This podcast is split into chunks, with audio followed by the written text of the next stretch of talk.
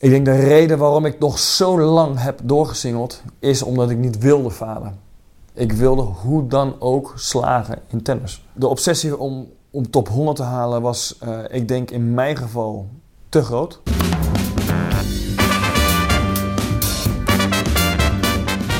Hallo en leuk dat je luistert naar de NL Tennis Podcast met deze keer van de partij Marcella Mesker. Mijn naam is Jan-Willem de Lange en de hoofdspreker is een goede bekende van de NL Tennis Podcast. Zijn naam Matwee Middelkoop. Hij was ooit een fijne sidekick in deze podcast en hij hoort al een tijdje bij de beste dubbelaars van de wereld. De afgelopen maanden speelde hij aan de zijde van Robin Haase, maar daar gaan we het vandaag niet over hebben. Deze aflevering gaat over een 39-jarig succesverhaal dat het lange tijd maar niet leek te worden. Hoe dat zo gekomen is en hoe taai zijn tennisroute is geweest, gaat Matwee allemaal aan jullie vertellen. We trappen af met de grote missie waar het allemaal mee begon: het bereiken van de top 100. Veel plezier met luisteren. De top 100 is eigenlijk de reden waarom wij met z'n allen beginnen met tennissen. En daar heb je natuurlijk allemaal facetten van.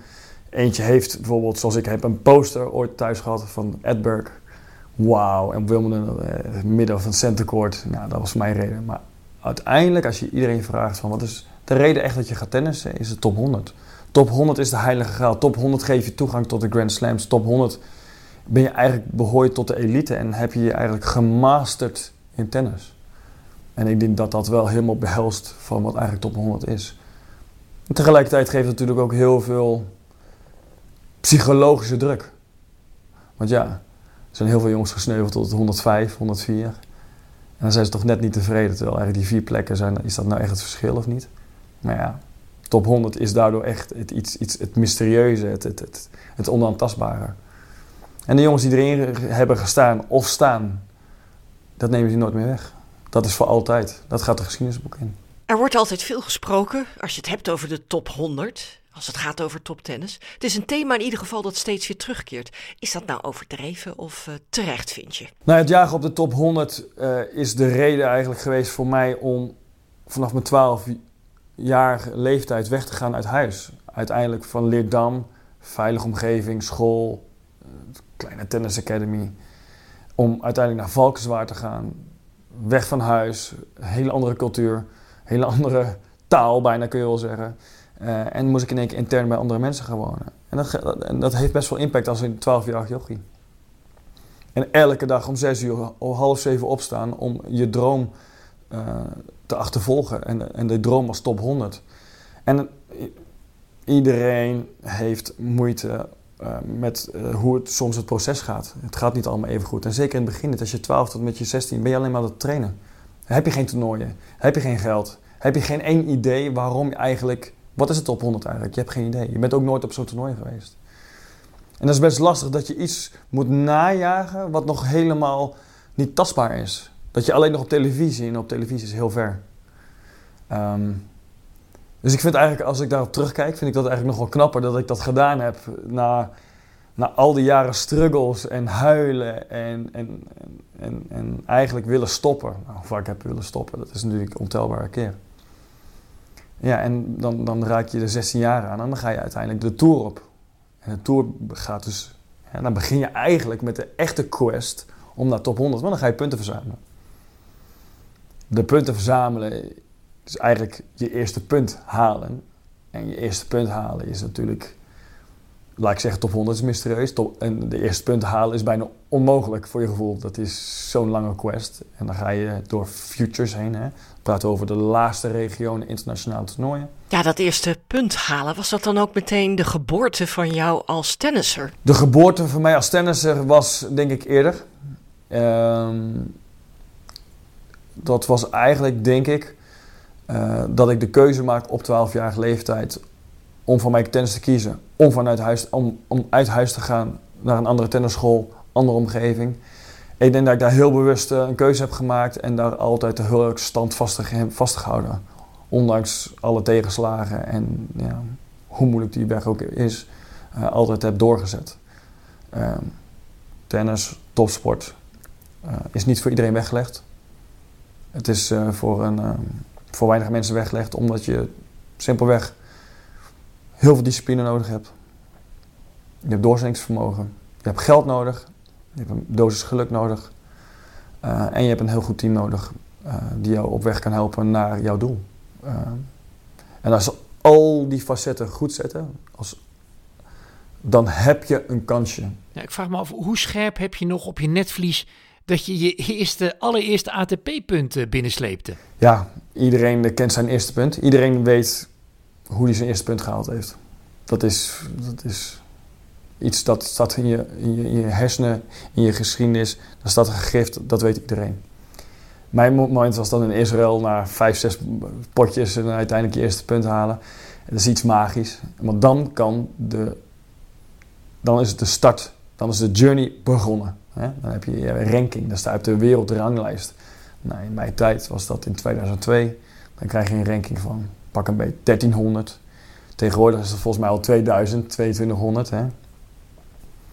En dan gaat de journey beginnen voor de top 100. Um, ehm, en dan, dan denk je dat je een beginnetje hebt, maar je bent nog zo ver weg. En daarin heb je natuurlijk ook schifting van jongens die, het, die er heel snel doorheen gaan. Ik, ik kan nog herinneren, volgens mij een stat van Nadal. Die had volgens mij één of twee futures, had hij een wildcard gekregen. En daarna heeft hij nooit meer een future gespeeld. Dat soort jongens heb je natuurlijk.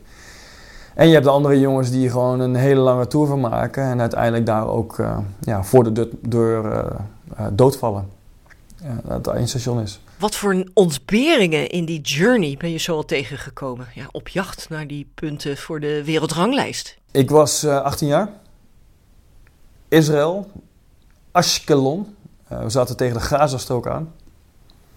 Um, ik, wat was volgens mij mijn vijfde of zesde toernooi.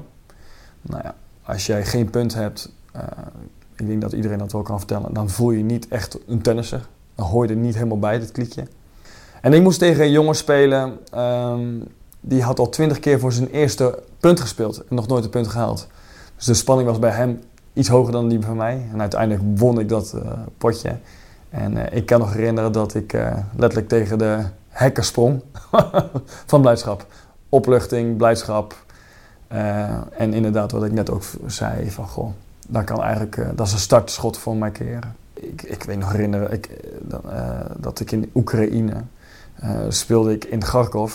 Nou goed, we kennen natuurlijk allemaal wat nieuws hoe dat uh, natuurlijk naar aan toe gaat.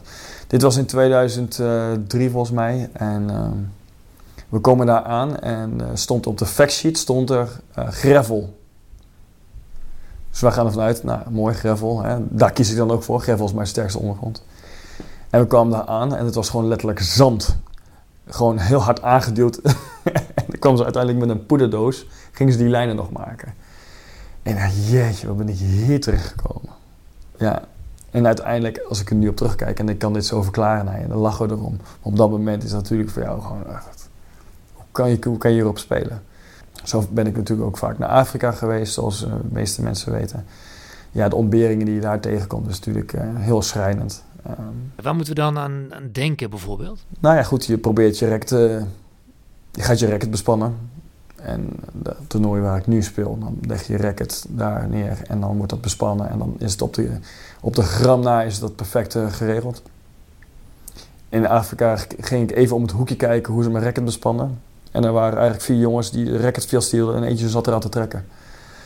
Ja, en dan denk je, ja, als dat maar goed komt. Ja, en dan kun je ook niet kwaad om worden. Het is gewoon dat hoort dan bij het hele spektakel als je futures gaat spelen. Ik wist ook niet veel beter, moet ik zeggen. Je maakt de gekste dingen mee.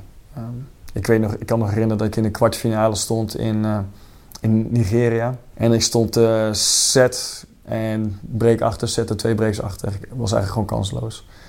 En mijn beste tegenstander uh, die was zo kwaad op één bal. En die gooide zijn racket van zijn kant naar mijn kant, naar de lijnrechter toe.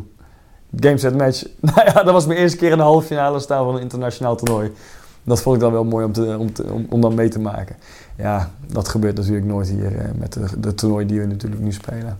Je had duidelijk een uh, voorliefde voor Afrika, want je reist graag. Je bent ook een beetje een avonturier. En de Afrikaanse toernooien waren natuurlijk ook wat makkelijker om te spelen. Fijn om je ranking op te krikken. Maar hoe groot was die obsessie om de top 100 te bereiken voor jou? De obsessie om om top 100 te halen was, uh, ik denk in mijn geval, te groot. ik had er eigenlijk tussen aanhalingstekens iets relaxter in moeten zijn.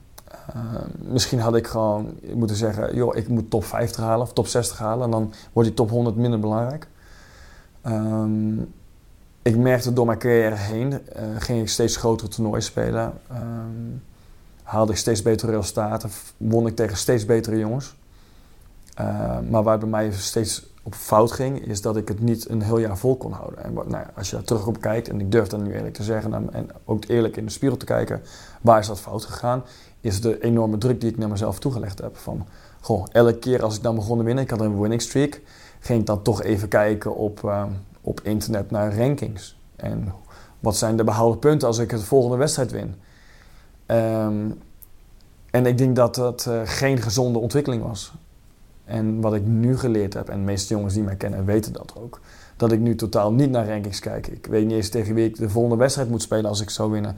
Uh, ik hou me er totaal, niet mee bezig. Dat is natuurlijk uiteindelijk gekomen van de trauma die ik gehad heb vanuit de single. Ja, op jouw zestiende begon je jouw missie uh, om de top 100 te, eh, te kunnen gaan halen. Uiteindelijk gooide je op je dertigste de handdoek in de ring. Een, groot moment natuurlijk. Je staakte toen immers de missie waar je bijna je halve leven aan gewijd had. Wat was nou precies het kantelmoment? Was er überhaupt een kantelmoment? In Egypte in 2014 was dat uh, een van mijn laatste toernooien waar ik heb besloten van um, single ga ik het niet meer halen. Mijn hoogste ranking was dat op het moment top 200, 197. Um, ik moet die switch gaan maken. En dat kan zijn, ga ik dan trainer worden of ga ik dan uh, proberen verder te komen in een dubbel. En ik was pas 30, ik was al 30 al vrij laat natuurlijk. Dus in Egypte, in Sharm el-Sheikh, uh, eind uh, 2014 uh, besloot ik toen in mijn hotelkamer, ik weet nog als de dag van gisteren, dat ik daar in bed lag. Um, niet gedoucht. Rechtstreeks van, de, van, van, van, van, mijn, van mijn wedstrijd gekomen. Opgekruld in bed. Gehuild. En op dat moment kreeg ik een soort vision, zoals je het wil noemen of een epiphany. En op dat moment dacht ik van, er staat mij één ding te doen. En dat is gewoon voor de, voor de dubbel gaan. En op dat moment was voor mij alles kraakhelder. Ik wist in één keer wat ik moest doen. En ik had het innerlijke geloof en ik wist gewoon dat, dat ik hier succesvol zou kunnen zijn. Was op niks gebaseerd, want ik was helemaal geen goede dubbel op dat moment. Ik had wel mijn uitslagen, maar ik, was, ik kon geen goede voor die slaan. Ik had ook geen idee van positie.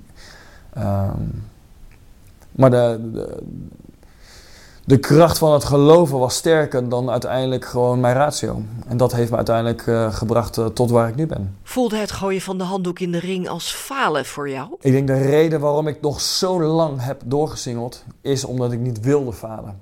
Ik wilde hoe dan ook slagen in tennis. Het niet slagen, dat was falen. En dat moest geslaagd worden. Um, uh, had ik talent? Ja, zeker.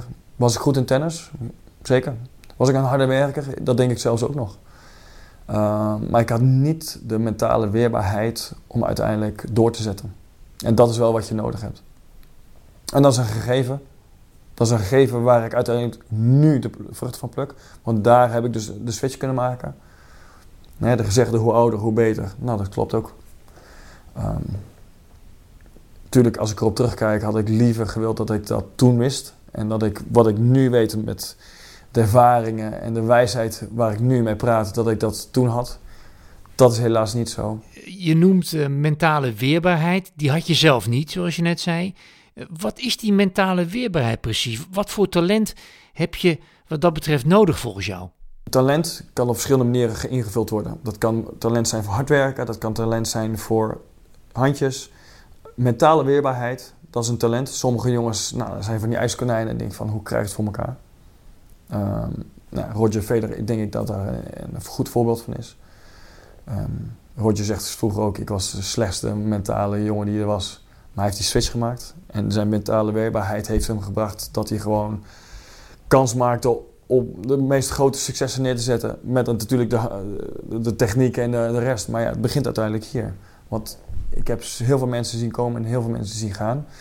Um, maar ik denk uiteindelijk wie het sterkst is op de big points, wie het meeste rust kan bewaren wanneer een mes op tafel moet komen, Dat zijn de jongens die overleven. En dat zijn de jongens die de kans hebben om succesvol te worden. En als je het nou eens plat slaat, wat zijn dan in jouw ogen de eigenschappen die je als tennisser moet hebben om die kans zo groot mogelijk te maken? Je moet van uh, bijzonder hout gesneden zijn om tennisser te worden en ook door te zetten.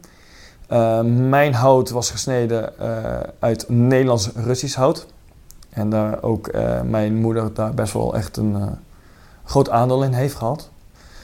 mijn vader natuurlijk ook, maar mijn moeder was heel erg van uh, Mat, je gaat hoe ook halen en je gaat hoe dan ook, ook doorzetten. Uh, want je bent een hele goede speler. En uh, al moeten het huis verkopen, al moeten dit verkopen, we gaan gewoon hoe dan ook jou supporten om te blijven gaan. En dat, dat, dat, dat, dat was wel, dat, dat sprak me aan, die woorden. En ik, ja, op een goede manier werd er een bepaalde druk gelegd die ik misschien wel nodig had. Ja, en dan heb je die weg om naar de top 100 te komen uiteindelijk natuurlijk niet helemaal af weten te leggen. Je hebt die missie moeten staken, zo gezegd. Hoe zwaar zou je zeggen dat die route naar de elite van het proftennis is? Enorm zwaar. Um, de mentale druk, financiële druk, uh, omgeving. Um, ook de cultuur, zeker vanuit de Nederlandse cultuur. Hoe wij denken is van, goh, als je niet 23, 24 jaar bent en je hebt gehaald, dan heb je eigenlijk al gefaald. Want je hebt ook nog een live after tennis je wordt heel erg gepusht om eigenlijk nog te gaan werken en voor je pensioen te denken. Al die hobbels moet je gewoon overleven. En dat is niet makkelijk. En dat maakt het alleen maar zwaarder. Dus je moet eigenlijk een beetje gestoord zijn en een beetje gek zijn om deze weg te bewandelen zoals wij die allemaal bewandeld hebben hier. Um, en het is voor weinig weggelegd. En dat is ook, dat is ook, de, dat is ook de schifting. En dat is ook daarom te, waarom het een elite sport is. Het, is uh, het zijn alleen maar de top 100, 150 jongens die ook de, de boterham mee verdienen. Je zegt tennis is een elitesport. Je moet een beetje gek zijn. Ik kan me voorstellen dat je ook wel wat twijfels hebt gehad uh, tijdens je jacht op punten voor de wereldranglijst. Iedereen heeft twijfels over zijn carrière. Um, ik denk dat als je top 10 staat of je staat duizend van de wereld, ik denk niet dat dat zoveel snel zal veranderen. Ik denk dat dat ook in een mens zit. Maakt niet uit hoe succesvol, het blijft altijd een onzekerheidsfactor zitten in je. Um, als ik naar mezelf kijk, ik heb altijd wel zo'n moment per dag, of in mijn tennis of buiten mijn tennis, dat ik denk van, goh, heb ik dat wel goed gedaan? Um, hoe zien mensen mij? Of uh, hoe projecteer ik me op hun? Uh, ben ik goed bezig met mijn tennis? Heeft het nog zin om te tennissen? Al dat soort vragen komen altijd ergens naar boven. Dat kun je ook niet controleren. Je bent ook afhankelijk van hoe je kop staat. En dat is een heel natuurlijk proces. En hoe ouder je bent, hoe makkelijk je door dat proces heen gaat. Dat filter je gewoon eruit en oké, okay, that's it. Als je jong bent, is dat lastiger. Want goh, hoe waarheidgetrouw is dat wel? Wat, zijn die, wat doen die gedachten met je? Ik weet dat er veel jongens die gedachten hebben en er gewoon heel moeilijk mee om kunnen gaan. En, en, en diezelfde jongens, die komen ook naar de oudere garde toe. Van, goh, hoe moet ik hiermee omgaan? Wat kan ik aan doen om dit soort gedachten een plek te geven? Uh, en mijn advies zou dan zijn, in plaats van het te bevechten, ga je het omarmen. Maak het, maak het je vriend. En ga daarmee uiteindelijk verder. Maar um, ja, dat hoort wel een beetje bij tennis. En, en, en als ik nou terugkijk over mijn carrière en ik moet nummers gaan noemen, ik denk wel dat ik per jaar wel zeker vijf tot tien keer denk van nou, het is wel mooi geweest dat tennis. Uh, ik stop ermee. En dat heb ik gehad in mijn goede periode en dat heb ik gehad in mijn slechte periode.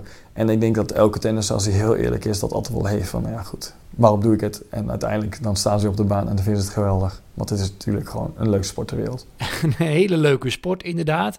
Maar wat geeft jou nou dag in dag uit dat zetje om weer dat racket uit die tas te trekken en toch maar weer tussen die lijnen te gaan staan? Waarom zou ik stoppen? Want ik, ik ben gezond, ik voel me goed. En um, uiteindelijk dacht ik van, uh, het alternatief is niet veel beter voor mij. Um, en, en zolang ik nog kan leven en nog kan gezond ben en nog, en nog uh, zin heb en nog van het spelletje hou, want daar gaat het om, hè, het, spelletje, het houden van het spelletje, dat staat bij mij nummer één. Dat was zo sterk. Tuurlijk, de resultaten waren niet altijd even goed, maar het, het weigeren en niet willen stoppen van tennis, dat heeft me gebracht tot hier. En ik kan, heel veel ik kan heel veel voorbeelden opnoemen van jongens die eigenlijk veel beter waren, veel betere opportunities hadden dan ik en veel te vroeg gestopt waren. Omdat zij in hun hoofd hadden van ja, de kans dat ik het haal, en dat vind ik heel erg dat ik dat zeg en moet herhalen, is heel klein. Maar zo moet je nooit denken. Met, met waar je ook mee bezig bent. En waar je ook, waar je ook mee begin, gaat beginnen. Um, en daarom zal mijn sterk mijn advies zijn voor de meeste jongens. Sta je top 100, geniet ervan. Uh, maak er een feestje van. En probeer het zo lang mogelijk uit te stellen. Uh, en, en, en, en, en, en, en zo lang mogelijk proberen fit te blijven en dit niveau aan te houden. Want dit is het mooiste leven wat je kunt krijgen. Um, ja. En ook voor de mensen die tegenaan zitten hekken. Ik denk dat ik daar een, een levend voorbeeld van ben. Uh, opgeven kan altijd nog.